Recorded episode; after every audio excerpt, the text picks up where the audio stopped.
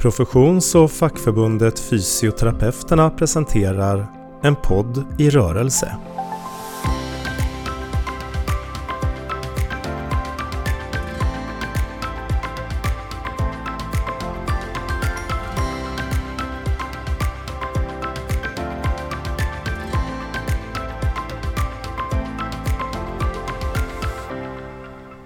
Idag ska vi prata om fallskador tillsammans med regeringens utredare Anna Nergård.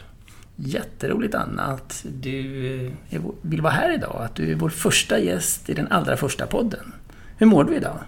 Jag mår bra, tack. Det känns väldigt roligt att få komma hit och såklart särskilt hedrande att vara just den första gästen i den här podden.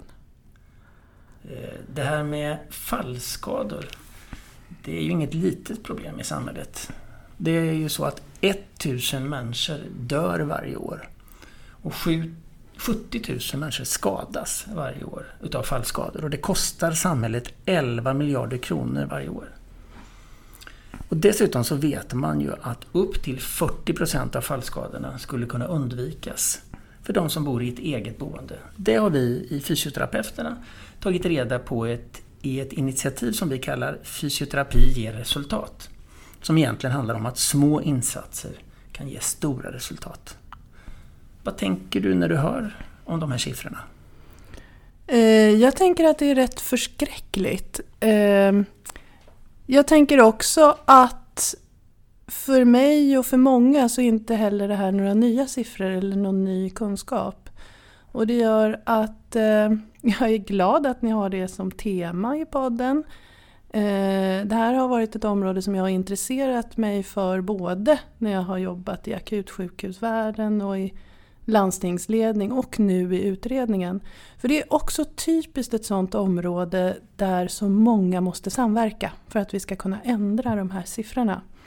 Det handlar om att hälso och sjukvården har en del i det hela men här kommer man ju faktiskt in på flera samhälls samhällssektorer som behöver vara med i arbetet. Och det är också typiskt ett sådant område där man ser att regioner och kommuner behöver jobba mycket mer ihop. Ja, det, det är ju sådär att egentligen vet vi att, att jobba förebyggande det är viktigt och det är lönsamt på sikt. Och ändå är det så svårt att få till det. Vad tror du det beror på och vad ska vi göra åt det? Mm. Jag ser att dels så tänker jag att det finns vissa områden Eh, när det gäller inte minst faktiskt den här typen av, av ganska vanliga skador så, som inte är så här, de är inte så hypade. Det är inte så eh, tufft att jobba med det och typiska sådana områden är fallskador. Eh, faktiskt eh, Trycksår är ett annat sådant område. Där jag alltid har känt att man skulle kunna göra så mycket mer än det man gör, inte minst förebyggande. Eh, jag tänker också att om man, inte, om man har svårt att ta till sig de här siffrorna så tror jag att det här är ett område när det gäller fallskador. Det är jättelätt att själv tänka sig in i och själv titta på sin omgivning att varenda en av de här siffrorna faktiskt representerar en människa som får sitt liv väldigt förändrat. Jag tänker att rätt ofta så, så är ju så att säga början till slutet det som gör att man måste förändra sin livsstil, att man kanske inte har samma livskvalitet längre. Det är just ett fall där man har brutit lårbenshalsen eller någonting annat. Och jag tycker att det är viktigt att prata om de förebyggande insatserna eh, men jag tycker också att det är viktigt att prata om vad som händer efter en fallskada och efter en åtgärdad fallskada. Eh, som vanligt i hälso och sjukvården har vi gärna fokus på det mest akuta. Och det tror jag alla kan vara överens om att den akuta åtgärden efter en fallskada, själva operationen av ett lårbensbrott eller så, det är som inte det som är utmaningen. Men om man betänker att för många, bakom många av de här siffrorna så handlar det om att man har kunnat gå och klara sig själv.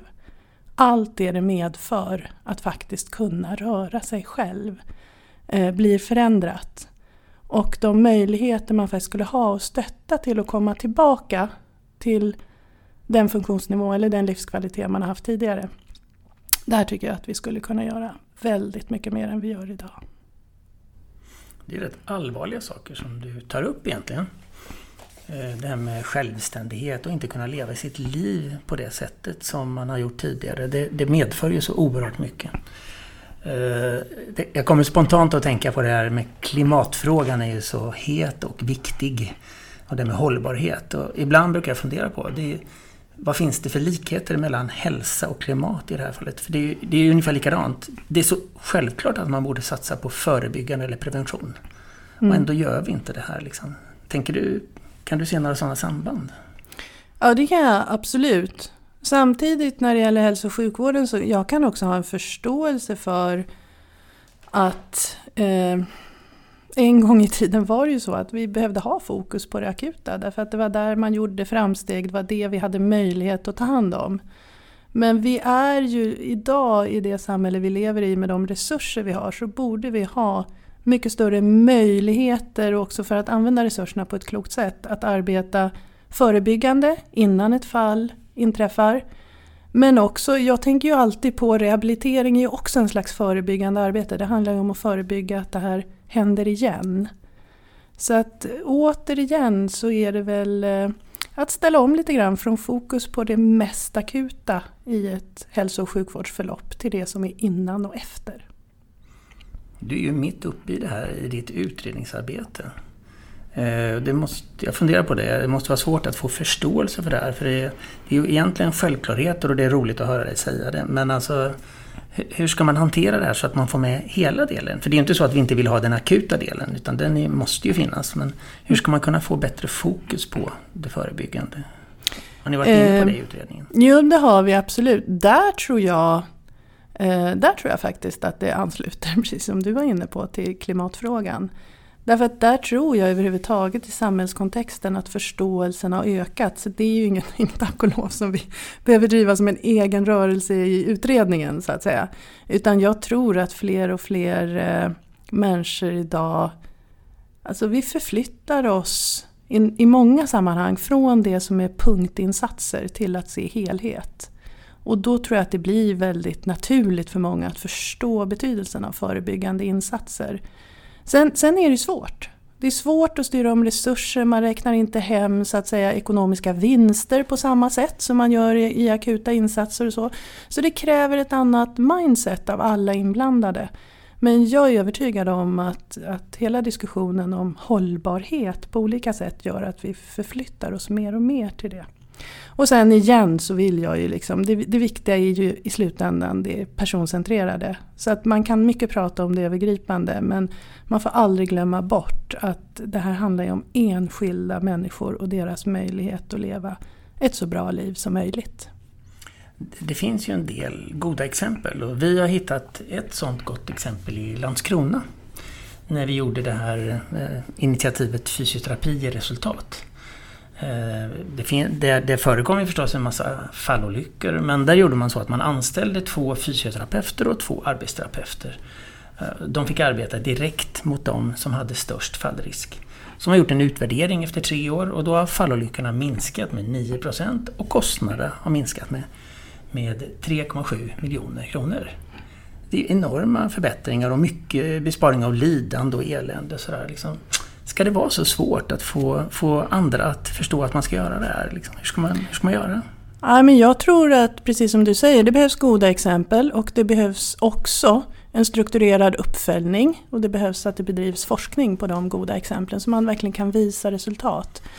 Eh, men jag tror, apropå då att vi har varit inne på den här betydelsen av hela vårdkedjan så att säga, så precis sådana här exempel som du beskriver nu om man tittar på så att säga, för små resultatenheter och för korta uppföljningstider då är det svårt att se vinsterna på det ekonomiska planet. På det mänskliga planet är det lätt att se. Men det gör att jag tror att precis den här typen av insatser, då, då, måste vi också hitta beskrivningssystem. För man måste förstå att, att här, det är ju inte där man kanske gör insatsen eller gör investeringen som man hämtar hem vinsten. Om man gör den här typen av insatser som du säger i människors närmiljö eller på ett särskilt boende eller i hemmet så kan ju vinsten, eh, den ekonomiska vinsten ligga någon helt annanstans, till exempel på ett akutsjukhus. Och vi är inte så bra på att ha de här alltså beskrivningssystemen för eh, att faktiskt kunna visa på vinsterna med ett sånt här arbetssätt. Det tror jag är ett utvecklingsområde. Och därför tror jag det är så viktigt att verkligen följa och eh, forska på de här områdena? Alltså, jag vet ju, eftersom jag följer din utredning eh, ganska noga, så vet jag ju att ni har präglats av WHOs ansats med det här med hälsa och eh, förebyggande arbete. Så det är ju inte bara något som, som gäller oss i Sverige. Eh, och då vet jag också att WHOs arbete pekar ju på att eh, alltså man har ju konstaterat att förr eller fram till nu så mäter man sjuklighet och dödlighet och så. Men i framtiden när vi lever allt längre, eh, befolkningsutvecklingen känner vi, så kommer det bli ännu mycket viktigare att följa funktionsförmågan och titta på det. Och ju längre vi lever desto större behov av insatser i det hela.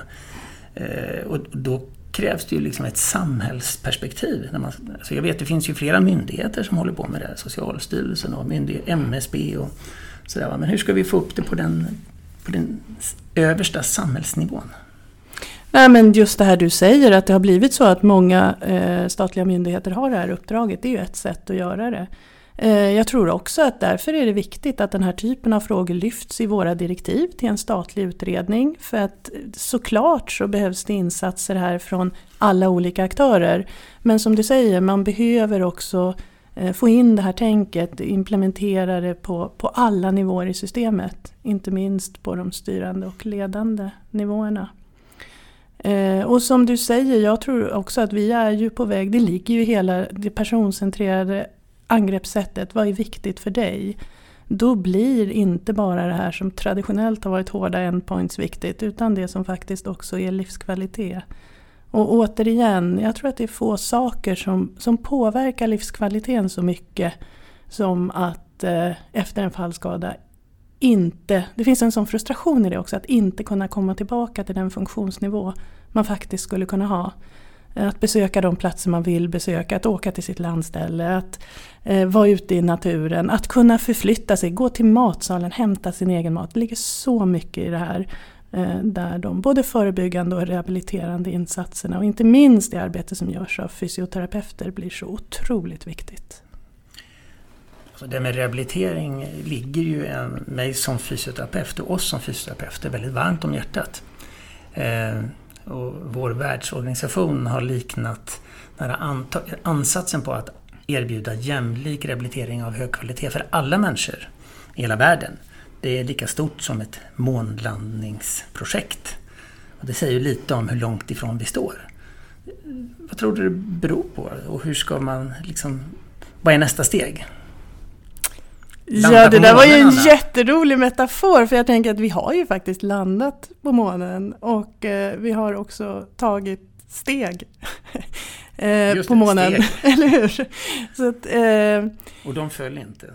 Nej, precis. Det gjorde de inte. Och, nej, men jag tror att det här är väl, det, det är ett bra sätt att beskriva ansatsen. Men som sagt, jag tror igen att det här är ett sånt område där eh, det är viktigt som vi har sagt att, att eh, eh, verkligen få upp de här frågorna på agendan på alla styrande nivåer. Men i slutändan så är det också rätt enkelt att gå till sig själv, sina närstående, sin omgivning och just visa på vikten av det här arbetet. Det tror jag kommer att vara kraften och styrkan i det. Att det är lätt att skapa förståelse för frågan. Sen är vi många på olika sätt, inte minst i min utredning, som behöver ge rätt förutsättningar och rätt verktyg för att det här faktiskt ska kunna hända.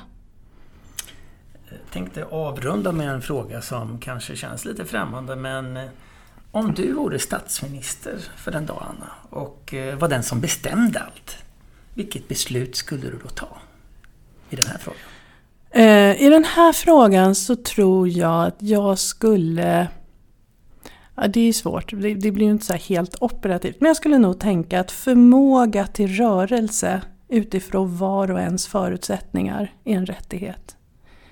Eh, det är det utifrån personens syn, så att säga, eller utifrån personens perspektiv. Och det betyder att då måste alla delar av systemet faktiskt arbeta på ett sätt som främjar att var och en får goda förutsättningar eh, att faktiskt vara i rörelse. Wow! Slutet av intervjun så kommer det handla om rörelse, en av våra absoluta kärnfrågor i fysioterapeuterna. Det känns fint. Ja, jag tror att det är en kärnfråga, inte, alltså för många. Absolut. Ja. Mm. Ja, men då gäller det att sätta lite, få lite mer rörelse till att börja med. Ja. Eh, ja, hur kändes det här att vara i, genomföra den här podden? Vi är snart klara här.